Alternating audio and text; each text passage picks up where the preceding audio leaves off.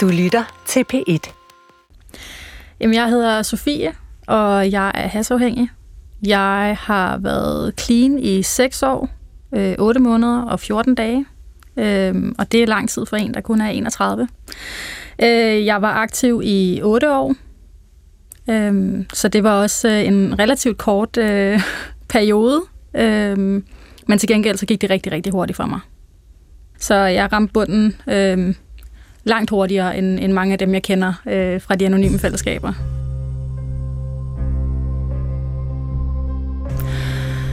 Første gang, jeg egentlig møder Has, øh, der flød rundt på, øh, på kostskolegangen, øh, for jeg gik på kostskole øh, i gymnasiet. Og øh, på den her kostskole, der øh, var der selvfølgelig regler, men øh, vi så lidt reglerne som noget, der var sat op, sådan så vi vidste, hvordan vi skulle manøvrere rundt om dem. Øh, Øh, så dengang betød det, at øh, vi vidste, at når der var blevet sagt godnat, øh, så kunne vi, øh, hvis, så længe vi ikke larmede, så kunne vi tænde op for joints, eller vi kunne øh, drikke øh, det alkohol, vi nu engang havde gemt øh, under madrasserne, eller hvor vi havde gemt det henne, øh, og så holde vores små fester og håbe på, at vi ikke blev opdaget. Jeg fik mig en kæreste, som øh, røg rigtig meget has med sine venner, øh, og der, der prøvede vi det, øh, og det var mega hyggeligt. Altså, det var helt vildt hyggeligt. Øhm, og han, øh, han var simpelthen bare så sød og dejlig. Jeg var smaskforelsket i ham. Øhm, og han købte øh, sushi til os øh, om aftenen, og så havde han noget has med, og så røg vi ligesom det, og spiste her sushi, og det smagte mega godt, og så så vi en film, og så hyggede vi os. Altså sådan, så det, for mig var det bare en mega hyggelig ting øh, at gøre øh, sammen med den her kæreste og sammen med hans venner. Men jeg havde samtidig også noget i baghovedet med, at has var ikke sådan helt en god ting. Øh, alkohol, fint nok. Det, det er jo noget, alle gør. Men has, det var sådan lidt, det var altså ikke noget, alle gjorde på det her tidspunkt. Det er det måske i dag. Øh, men men jeg, jeg var også meget opmærksom på, at jeg gerne ville kunne passe min skole. Øh, og jeg gerne ville være ordentlig. Og øh, det var ikke sådan, at jeg gik og tænkte meget på has på det her tidspunkt. Det, det var bare noget, der ligesom var der, hvis han kom med det. Og når jeg skulle ud og feste med ham og hans venner, så, øhm, ja, så var det der ofte. Men jeg kunne ikke rigtig finde ud af det der med at blande has og alkohol, fordi jeg fik det bare dårligt. Øh, I det hele taget fik jeg det ret dårligt at drikke. Jeg ved ikke, min krop er åbenbart bygget sådan, at øh, jeg får hurtigere tømmermænd end andre. Øh, så jeg kan, jeg kan drikke nogle øl eller shots eller et eller andet, og så går der nogle timer, og så får jeg det faktisk bare dårligt. Øh, så det var ikke interessant for mig at drikke. Øh, og derfor var det en fantastisk løsning at begynde at ryge i stedet. For så kunne jeg også være påvirket og have det sjovt ude i byen. Men uden at få de der tømmermænd. Jamen, der går i virkeligheden ikke super lang tid fra, jeg synes, det er sjovt at ryge has, til at det ikke længere er så sjovt. Øhm, og det, det, det sker faktisk, øh, fordi at min far han dør, da jeg går i 3.G. Og øh, der har jeg ikke længere den her kæreste, der introducerede mig til has. Øhm, og jeg, og jeg tænkte heller ikke på has, som, som at det skulle være noget, der skulle hjælpe mig med at bearbejde sorgen overhovedet. Men jeg var desperat, fordi jeg var, altså jeg var, øh, ja, jeg gik jo igennem en kæmpe sorg øh, af at min far. Han var, han var min øh, sten, øh, my rock, er det ikke det, man siger på engelsk? Øh, han var en, jeg altid kunne læne mig op af. Øh, så, så, så det, at han døde, det, øh, det påvirkede mig rigtig, rigtig meget.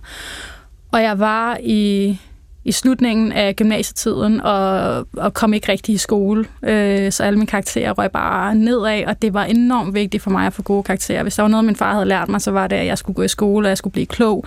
Øh, fordi så kunne jeg blive til noget, øh, og så ville jeg få et godt liv. Det var ligesom det, han havde lært mig. Øh, så, så det var også enormt vigtigt for mig at få de her gode karakterer, men jeg var ikke i stand til det, fordi min far var der ikke længere. Og det var, det var svært at være i. Så øh, da jeg er i slutningen af gymnasietiden, så kigger jeg mig omkring øh, og, og kigger på, hvem, hvem omkring mig er glade. For jeg vidste ikke, hvordan jeg skulle blive glad igen.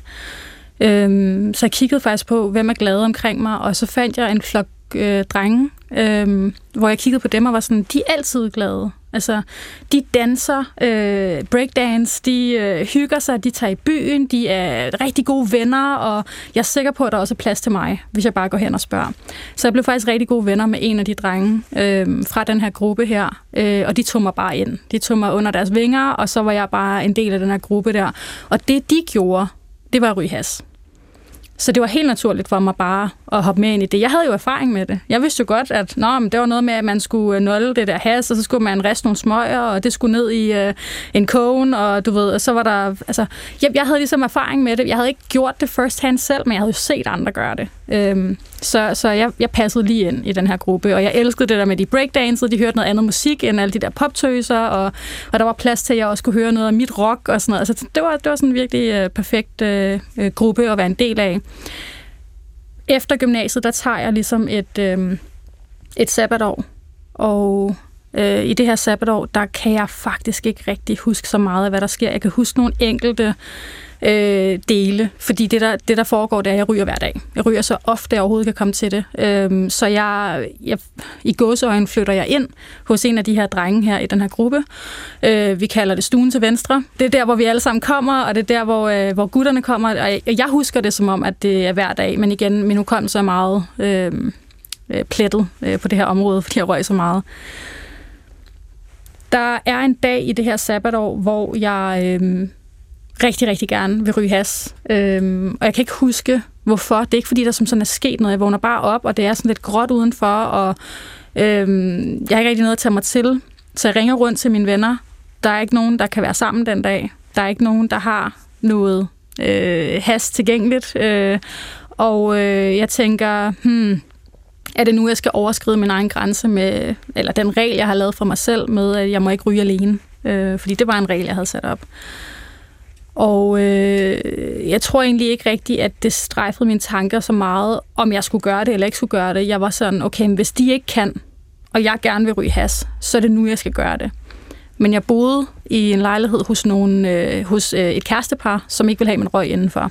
Så jeg gik ned i H.C. Ørstedsparken, øh, og så rullede jeg min første joint alene og den var eddermame stærk. Altså, holy, undskyld, man må ikke bande, øh, men den var virkelig, virkelig stærk.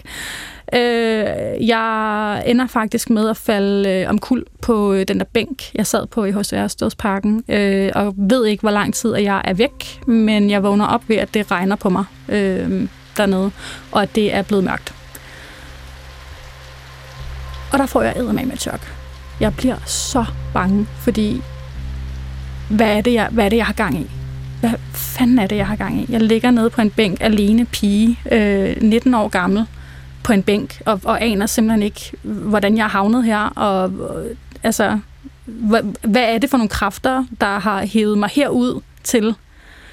Det er ikke mig. Øh, jeg er jeg er en intelligent ung pige. Øh, jeg vil gerne noget med mit liv. Så hvad fanden sker der her? Øh, så jeg sætter mig op, og så ryger jeg videre på jointen, og så går jeg hjem. Altså, totalt ulogisk. Øh, men jeg får det der øjebliksbillede, hvor jeg bliver skræmt over mine egne handlinger. Altså, sådan, mit selvbillede er, at jeg, øh, at jeg er clean, og at jeg bare, du ved, er på rustur med de andre, og drikker i den første måned, ligesom de andre, og tager hjem fra Anegade, og nej, der er, du ved, billige drinks til en og sådan. Det er super fint, og det, det gør vi bare, og spiser en masse pomfritter dagen derpå, og sådan nogle ting. Men jeg tænker ikke på mig selv som en, der ryger særlig meget. Jeg kan ikke finde ud af at overholde deadlines på arbejdet. Jeg kan ikke finde ud af at svare på simple e-mails. Jeg kan ikke finde ud af at, øh, at bidrage til arbejdspladsen. Og jeg bliver kendt som hende, der bare mest af alt er lidt i vejen i virkeligheden. Øhm, det hele, det, øh, det buller rundt i min krop. Øhm, og på det tidspunkt forstår jeg ikke, at det er fordi, jeg er blevet hasafhængig. Jeg forstår ikke, at jeg, har, jeg mangler noget at sætte i stedet for hassen. Så det, der sker ret automatisk for mig, det er, at jeg begynder at date øh, helt vildt meget. Øh, så jeg hopper på alle de der apps, og så mødes jeg bare til højre og venstre med en hel masse fyre. Og så skal jeg på date med en, øh, en mand, hvor at, øh, det egentlig lidt var meningen, at vi skulle mødes, og så tror jeg, det lå lidt mellem linjerne, at vi nok skulle øh, have noget sex på et tidspunkt. Øh, ham her, han har planlagt, at han skal gøre ting med mig, som, øh, som ikke er inden for rammerne af, hvad vi har aftalt. Så den her oplevelse her, øh, den sætter sig rigtig meget i mig.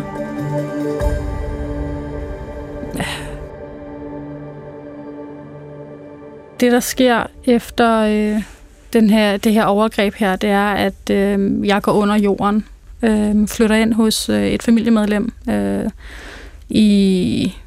Jeg har, det er faktisk lidt uklart for mig, hvor lang tid, men jeg tror, det er op imod ni måneder, et år eller sådan noget, hvor jeg er hos dem. Og der er jeg faktisk clean øh, i al den her tid, men jeg er jo også i, altså, jeg har jo sindssyg PTSD efter det her, og jeg kan slet ikke fungere. Og, øh, og i den her periode gik der ikke en eneste time, hvor jeg ikke tænkte på at ryge has, så jeg kunne komme væk fra den her smerte. Hver evig eneste time, af hver evig eneste dag, af hver uge, af hver måned, ville jeg bare gerne ryge. Øhm, jeg havde simpelthen for stor respekt for de familiemedlemmer, jeg boede hos, til at gå ud og ryge mig skæv. Fordi de tog mig ind, og de gjorde alt, hvad de overhovedet kunne for at hjælpe mig. Øhm, og nu bliver jeg lidt rørt, fordi altså, de her mennesker her i min familie, de har jo, de har jo virkelig bare de har jo gjort alt for mig. Øhm, så jeg har for stor respekt for dem til at tage ud på staden og købe has. Øhm, det, det tør jeg simpelthen ikke, for jeg, har, jeg vil ikke miste de her mennesker, øhm, som passer så godt på mig. Så det lader jeg være med. Og i stedet så, øhm, så lukker jeg mig inde i computerspil øh, og YouTube. Altså jeg ligger, jeg ligger øh, i en seng på et værelse med lukket dør i al den tid, jeg er hos dem og bare kigger på en computerskærm. Og det er ikke engang, fordi jeg spiller så meget af det der spil. Øh, det er mere bare, at jeg kan, jeg kan zoome ind i et univers, som er noget andet end min krop, der er totalt smadret, og som er noget andet end, at jeg ikke er på et studie, og igen, mit livsmål er jo, at jeg skal, jeg skal have en fed uddannelse, for jeg skal ud og gøre en forskel i den her verden. Og det kan jeg ikke lige nu, for jeg ligger bare på den her seng med min computer. Øhm, På et tidspunkt, der øh, får jeg indmeldelsesbrev til universitetet igen. Men det er først, da jeg, da jeg flytter øh, ud fra, fra min familie, at jeg, øh, at jeg begynder at ryge has igen. Der går ikke mere end en uge fra jeg er flyttet, til at jeg sidder tilbage og har meget værre øh, misbrug, end jeg havde før jeg begyndte, eller før jeg stoppede her. Øh, i den her omgang. Ikke? Øh, jeg havde været clean i cirka et års tid øh, på knoerne. Det var forfærdeligt.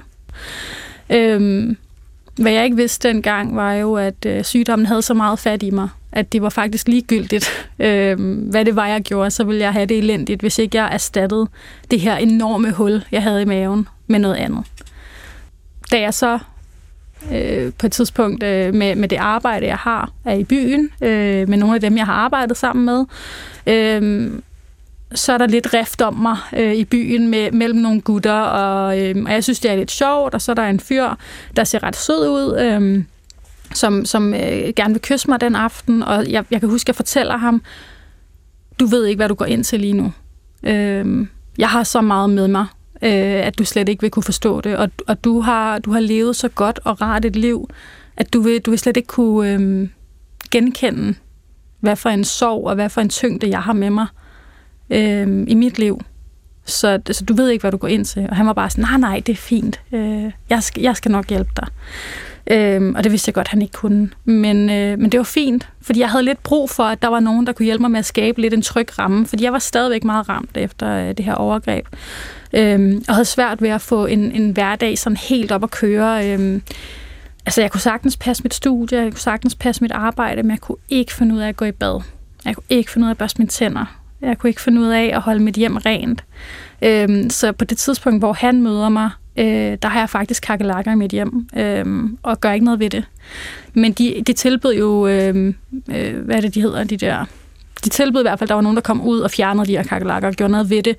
Men det krævede, at man tog al, altså for det første, man skulle rydde op, og for det andet, man skulle rykke alle sine møbler ind i midten af rummet, mens de kom. Og det kunne jeg ikke overskue, for jeg ville bare gerne ryge mit has om aftenen. Når jeg kom hjem, så var jeg træt, jeg var overvældet, jeg havde tænkt på hele dagen, jeg havde brug for et outlet, og det fik jeg ved at ryge. Så min løsning på kakelakkerne var at sætte et glas hen over dem og vente på de døde. Jeg havde hørt, at hvis du træder på kakelakker, så kommer der øh, en svær med babyer ud. Altså, og sådan, hvad ved jeg? Jeg har ikke prøvet det før. Jeg er ikke så kendt med kakelakker, men, men det var min løsning. Og det var jo bare sindssygt klamt at bo i et hjem, der for det første bare fuldstændig rodet til, og jeg ikke har styr på min personlige hygiejne.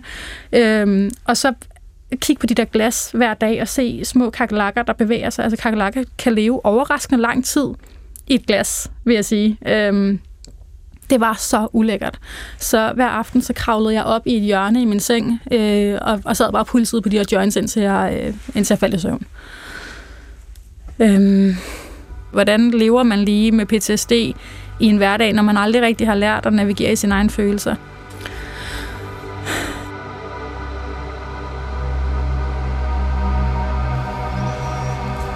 Ja, så vi står en, øh, en almindelig hverdagsaften øh, i februar måned 2016, hvor jeg øh, tager ind til Christiania og skal hente noget has, ligesom de fleste andre aftener. Øh, jeg ved, at jeg skal lige præcis ned til øh, et bestemt hjørne øh, ved en bestemt bod, hvor jeg går ned og køber noget blomster. Og min pusher har lukket. Jeg ved ikke hvorfor, øh, men jeg tænker, fint, vi er vel på Christiania, så jeg går hen til en anden bod, og så køber jeg, hvad jeg tror er blomster. Og øh, jeg kommer hjem, og jeg ryger min aftenjoint. Alt er fint. På et tidspunkt, øh, der vågner jeg op. Der er nok ikke gået særlig lang tid efter, jeg er faldet i søvn. Men så vågner jeg op. Der, jeg, jeg får fornemmelsen af, altså, at, at der er et tog, der er ved at køre ind i mig. Eller jeg står ude på øh, train tracks, og der er et tog, der kommer bullerne med flere hundrede kilometer i timen. Så det eneste, jeg kan gøre, det er at bare sætte mig op i sengen med et gisp. Bare sådan... Fuck! Og jeg ved ikke, jeg ved ikke hvad det er, der, der foregår inde i mig. Øhm, så jeg, jeg sætter mig op i sengen, jeg rejser mig op i sengen, jeg, jeg hopper ud på gulvet, jeg begynder at tonse rundt i lejligheden, og og jeg kan, jeg kan ikke være i min egen krop. Øhm, det er for koldt, det er for varmt, det, det, det hele det presser, det hele er for flydende, det hele er... Det, der, er ikke, der er ikke noget sted, der er ikke noget, jeg kan gøre for at få mig selv på plads igen. Jeg har ikke prøvet det her før, så jeg ved ikke, hvad det er. Øhm, jeg, jeg kan ikke huske, om vi ringer 1813 eller hvad det er, men det gjorde vi højst sandsynligt, for at vide, at vi skal vente til næste morgen øh, med, med egen læge. Øhm, jeg finder ud af, at det er dødsangst jeg har. Og det har jeg aldrig prøvet før. Øhm, den her dødsangst, den varer i en hel uge. Øhm, altså syv dage, hvor jeg ikke kan være i min egen krop. Jeg forstår ikke, hvordan jeg kom igennem de syv dage. Jeg, jeg må jo have sovet på et tidspunkt. Øhm, men, men det var umuligt for mig at være i. Og hvordan var jeg havnet her, hvor at jeg ikke havde styr på øh, altså venner og og ikke rigtig ragt ud til min familie. Og nogle måneder før det her det sker, der øh, tager jeg bussen ind til København øh, og øh, møder den her fyr i bussen. Han prøver ligesom at skære ind til benet og spørge, om, om jeg ikke bare skal med til et AA-møde i aften. Og jeg var sådan, nej, nej, nej, nej, nej, jeg kender dig knap nok. Jeg skal overhovedet ikke med til noget som helst AA-møde. Hvad snakker du om? Jeg har aldrig haft et problem med alkohol. Øhm, så der var ikke rigtig nogen selverkendelse på det tidspunkt, men vi havde den her samtale, den har åbenbart sat noget i gang inde i mig. For da jeg står her på femte dag med det her angst, der øh, skriver jeg til ham her og spørger, om han ikke øh, vil komme hjem til mig. Øhm, det, var, det var mit sidste greb. Der var ikke noget, altså lægen kunne ikke hjælpe mig. Øhm, der var ikke nogen andre, der kunne hjælpe mig. Min kæreste var til ingen nytte overhovedet, og jeg kunne ikke få styr på min egen øh, angst. Han siger, øh, jo, selvfølgelig, jeg kommer. Øh, hvis du lige gider at lave noget aftensmad, så kommer jeg lige forbi. Øhm, øh, og, og det gør han.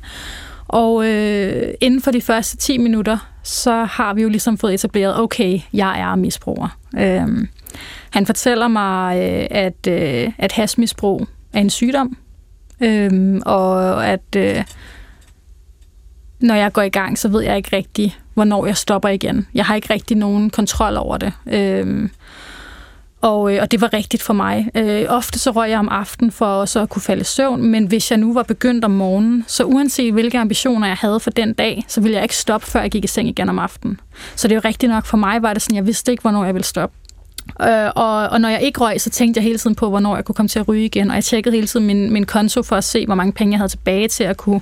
Okay, hvis jeg har så så mange penge tilbage, så kan jeg, så kan jeg fordele det på så så meget has i løbet af den her uge og næste uge og frem til næste gang, jeg får løn. Øh, så, så hele mit system handlede om, hvornår jeg næste gang kom til at ryge. Alle mine aftaler handlede om, hvornår jeg næste gang kom til at ryge. Øhm, Så alt det, han forklarede mig med, at hasafhængighed er en sygdom, det var rigtigt for mig. Og jeg kunne genkende mig selv i alt det, han fortalte mig. Øhm, det han også fortalte mig, det var, at der findes en løsning. Og at der fandtes et fællesskab, hvor de havde nogle møder, hvor de forklarede lidt mere om, hvad det handlede om. Fuld af mennesker, som er i helbredelse, som har lys i øjnene, sagde han. Så vi gik øh, ud og øh, smed alt mit grej ud. Vi smed mit has ud, og vi smed mit grej ud det hele den aften. Jeg var klar, fordi jeg skulle i hvert fald ikke ryge igen, fordi puha, jeg vil gerne have min sanity tilbage. Ikke? Måske var der bare håb for, at jeg kunne komme ud af det her lort, jeg sad i. Øhm. Så næste dag, der tager jeg til et møde med ham her. Han sagde til mig, inden vi gik ind til mødet, og det var nok noget af det vigtigste, af det vigtigste råd, jeg har fået. Øh, lyt til det, du kan genkende øh, og smid resten væk. Men jeg må have hørt noget, som resonerede med mig, fordi jeg valgte at tage til et møde igen om mandagen. Og det her møde her, det var det vildeste, jeg har prøvet. Øh, jeg, jeg træder ind ad døren, og så stod der bare, jeg husker det som om, der stod 30 kvinder med hænderne øh, rakt ud til mig, og sagde velkommen, øh, må vi høre din historie. Er, er du også øh, afhængig? Øh, har du brug for noget hjælp? Vi vil gerne være her for dig. Og jeg blev ved med at komme tilbage hver uge, øh, og jeg fik en sponsor rigtig, rigtig hurtigt, som hjalp mig med at komme i gang med, med de trin, der er i fællesskabet. Og, øh, og så begyndte jeg sådan stille og roligt at, at få det bedre. 10. trin lyder sådan her. Vi fortsatte vores personlige opgørelse, og når vi havde fejlet, indrømmede vi det straks. Det handler om at, at, at, at arbejde med de følelser, øh, som vi nu har. Og dem har vi jo hele tiden. Så man behøver ikke sidde og vente et år på at arbejde med de følelser, vi har nu. Den kan vi sådan set arbejde med med det samme, øh, hvis vi lærer metoden at gøre det. Og metoden er faktisk 4., 5., 6., 7., 8., 9. trin. Det er faktisk det 10. trin ligger op til. Så derfor så, så handler det om at, at kigge på sig selv, er, har vi, har vi, har vi ude på lageret, er der kommet nogle nye varer, som øh, lugter, som skal smides ud. Og hvis vi bliver ved med at gøre lidt jævnligt hovedrent op i hovedet, hvad fylder hos os, jamen så er det ikke så svært at gøre, at gøre rent. Og, og det, som, det, som vi virkelig gør rent, det er de ting, som står i vejen for vores bevidste kontakt med vores højre magt. Det, det handler om, at jeg har en eller anden hemmelig kraft et eller andet sted ude i universet, som kigger efter mig og vil mig det bedste. Øhm, at jeg har et sted, jeg kan gå hen og bede om hjælp, når jeg har brug for det. Men jeg har også et sted at gå hen og dele min taknemmelighed, når jeg har den. Jeg har også et sted at gå hen og sige, Gud, se, hvor fantastisk verden er i dag. Wow, hvor er det vildt, at jeg får lov til at opleve det her. Tusind tak for det. Altså, så, så for mig så er Gud en del af mit liv, om det er svært eller godt, øhm, så har jeg Gud med mig i, i alt, hvad jeg gør, og, og alt, hvad jeg, alt, hvad jeg møder af udfordringer også. Øhm, så, så for mig handler det om, at Gud hjælper mig med igennem især 10. trin med at skrue op og skrue ned for de ting, der gør, at jeg måske føler mig bedre end, eller dårligere end øh, andre mennesker. Og, øh, at jeg ikke er så skide arrogant, når jeg går rundt og siger, at det, det, du er heller ikke lige så god som mig, eller et eller andet, eller at jeg render rundt og tænker, nej, hvor er det også synd for mig, at det her, det her sker. Måske handler det slet ikke om mig. Jeg har altid troet på et eller andet, men jeg har aldrig rigtig vidst, hvad det var, eller hvorfor. Jeg blev introduceret til, øh, til religion og tro af min far, og øh, ved aftensmadsbordet sad vi altid og, øh, og, og snakkede om øh, forskellige typer af spiritualitet og, og religion og tro og, og spøgelser og ånder og alt muligt, altså alle mulige forskellige ting. Og det var enormt spændende og, og sindsudvidende for mig. Så jeg havde en idé om, at der var noget, men jeg kunne ikke rigtig placere det. Øhm. Og det sjove er, at det kan jeg stadigvæk ikke i dag. Men det behøver jeg heller ikke. Jeg ved bare, at der er noget. Og jeg har igen og igen og igen mærket og erfaret på min egen krop, at det, at det er der, og det hjælper mig. Værktøjet 10. trin har båret mig igennem øh, den her skilsmisse, hvor jeg skulle redefinere hele mit liv. Øh, det her med at have PTSD, det er svært at sætte ord på, hvad det gør ved en. Øhm, og, og, og det, det gør jo i virkeligheden bare, at jeg føler mig fuldstændig hul, og jeg ikke er til stede i mit eget liv, men jeg skal alligevel få en hverdag til at køre. Og jeg har et barn, et meget, meget lille barn, ikke, som jeg skal passe på, og som jeg har størstedelen af tiden øh, på det her tidspunkt, da vi bliver skilt. Øhm, og, øh, og det eneste, jeg har at klynge mig op til, det er det her program. Så jeg stod endnu en gang der var sådan lidt, hvordan er jeg havnet her? Men hey, til gengæld er jeg clean. øhm, men, men det krævede jo egentlig bare hårdt arbejde med det her 10. trin og med den her sponsor. Så jeg bare sådan uge for uge kunne jeg bare mærke, okay, jeg går den rigtige vej. Jeg tager et trin her, et trin her, et trin her. Jeg sidder og laver de her bevægelser samtidig, fordi det føltes virkelig som om, jeg gik en ørkenvandring i et år. Øhm, for at komme hen et sted, hvor jeg vidste, okay, nu er jeg godt tilpas. Fordi man kommer jo også ud i livskriser, når man er clean. Det, livet er jo ikke en dans på roser. Så derfor der er det rart, at der er de her vedligeholdelsestrin, som vi kalder dem. Og 10. trin øh, kommer i hvert fald først, ikke? Og kigge på sig selv, og så snakke med Gud om det, og så hjælpe nogle andre mennesker. Når jeg, når jeg arbejder med, med det her 10. trin, og sådan helt konkret kigger på, jeg kan ikke finde ud af det her i mit liv, eller jeg, det her er en hemsko for mig, eller jeg er bange for den her relation, eller hvad det nu end kan være. Når jeg så sidder og skriver det ned, så gør jeg det ikke alene det lyder syret at sige, men, men jeg har min højre magt med mig, fordi jeg beder om, øh, øh, jeg beder om klarhed til at kunne se, hvad det er, øh, der er min andel i det, og hvad jeg skal gøre anderledes. Jeg havde aldrig nogensinde troet, at jeg skulle være rummelig over for min eksmand, efter det vi gik igennem. Men det er jeg. Den rummelighed og den kærlighed, jeg har til ham, på trods af alt, hvad vi har været igennem, tror jeg ikke, jeg var kommet til, hvis ikke jeg havde praktiseret 10. trin aktivt, og hvis ikke jeg havde brugt det 11. trin, altså at jeg bruger bøn, og jeg bruger meditation, øhm, og jeg bruger Gud til at hjælpe mig til at komme dertil. Så hvis jeg ikke har Gud med, så, øh, så, bliver jeg, så bliver jeg en rigtig, rigtig ærgerlig version af mig selv. Øhm, og derfor har jeg Gud med hver dag. I min hverdag i dag, der bruger jeg aktivt 10., 11. og 12. trin sammen. Så jeg skiller det ikke rigtig ad. Øh, jeg, har, jeg praktiserer daglig bøn øh, flere gange om dagen. 10. ældre og 12. trin er faktisk ikke sådan, øh, øh de, de kommer ikke i numsen af hinanden. De kommer, de kan faktisk, det kan man begynde at gøre på samme tid. Så når, når vi er i gang med 10. trin, jamen så går vi også i gang med 11. trin. Øh, så, så der er man sådan set øh, allerede efter 9. trin. Og når man går i gang med 9. trin, så går man i mine øjne også i gang med 10. 11. og 12. trin. 11. trin lyder sådan her. Vi søgte gennem bøn og meditation at forbedre vores bevidste kontakt med Gud, sådan som vi opfattede ham, i det vi bad om at få at vide, hvad der var hans vilje med os, om styrken til at udføre den. For mig er der i AA ikke nogen rigtig måde at gøre det her trin på. Det er et eksplorativt trin, og det opfordrer også min sponsist til at finde ud af, hvad betyder bøn for dig, hvad betyder meditation for dig. Find noget åndelig litteratur. Det kan være Dalai Lama, det kan være Eckhart Tolle, det kan være Sai Baba, det kan være whoever you want to, det kan være Bibelen, det kan være hvilken som helst retning. Lad dig inspirere, men Start med bøn. Bliv ved med bøn. To knæ i gulvet. Og prøv at sætte dig ned. Start med 5 minutter, hvor du bare sætter en timer, og så se, om du kan sidde 5 minutter.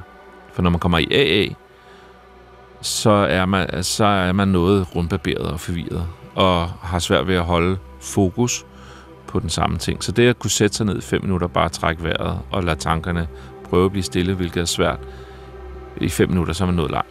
Og det er en øvelsesting. Det er ikke sådan noget, vi sætter os ned en time og sidder og mediterer. Det svære, det er at være åndelig ude i den rigtige verden. På arbejdspladsen, i familien, øh, sammen med dine venner at prøve at være åndelig der, og prøve at være ydmyg, og prøve at være til gavn, og prøve at være trøstende, og ikke hele tiden rave til sig. Det er jo der, det er svært. Og det, der mener jeg, at, at AS budskab, det er, gå ud og være til gavn. Gå ud og være brugbar. Nu har du gemt dig nede i flasken i så mange år. Prøv at være noget for nogle andre mennesker. Prøv at være noget for din familie. Prøv at, at lave dit arbejde, som du bliver bedt om, hverken mere eller mindre. Det er for mig også 11. trin øh, om at finde en balance i livet, sådan at man ikke enten skal være helt fremme i bussen øh, og sidde og være overnørden, eller helt bag i bussen og sidde og, og feste øh, og, og være anti-autoritær, øh, men at sætte sig midt i bussen og prøve at være til gavn for dem, der er omkring en.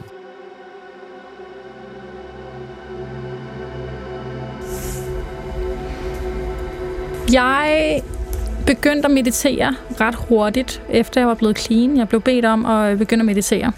Og øh, jeg tænkte, hvad fanden er det for noget voodoo-pis? Øh, hvorfor skal jeg gøre det? Øh, det forstod jeg ikke noget af. Og jeg var ærligt talt også pisse bange for, at hvis jeg mediterede i mere end 10 minutter, så ville jeg komme ned i øh, nogle dybe huller øh, og afgrunden af mit sind. Øh, og så ville jeg aldrig kunne komme tilbage igen jeg var skrækslagen for, hvad alt det der det kunne. Øh, altså, jeg har gået en meget akademisk vej, og det har været meget sådan, der skal være beviser for, at ting det virker osv. Little did I know, at der faktisk er en kæmpe forskningsgren inden for mindfulness, hvor meditation er en stor del af det. Men det vidste jeg ikke på det tidspunkt. Men jeg prøvede øh, at meditere. Øh, jeg startede med nogle guidede meditationer, øh, og, og, og prøvede faktisk bare at ligge mig ned i min seng med dynen på, øh, ligge fuldstændig stille og fokusere på min vejrtrækning, eller gøre, hvad det er, dem, i, dem der guider meditationen, siger. Øh, og jeg kunne mærke, at jeg fik det bedre. Øh, der, øh, der står i, øh, i vores bog, øh, der står der, at øh, bøn er at tale til Gud, og meditation er at lytte til Gud. Og det er rigtigt. Det mærker jeg i hvert fald. At øh, når jeg mediterer, så får jeg ofte svar på de problemer, som jeg render rundt og har i min hverdag.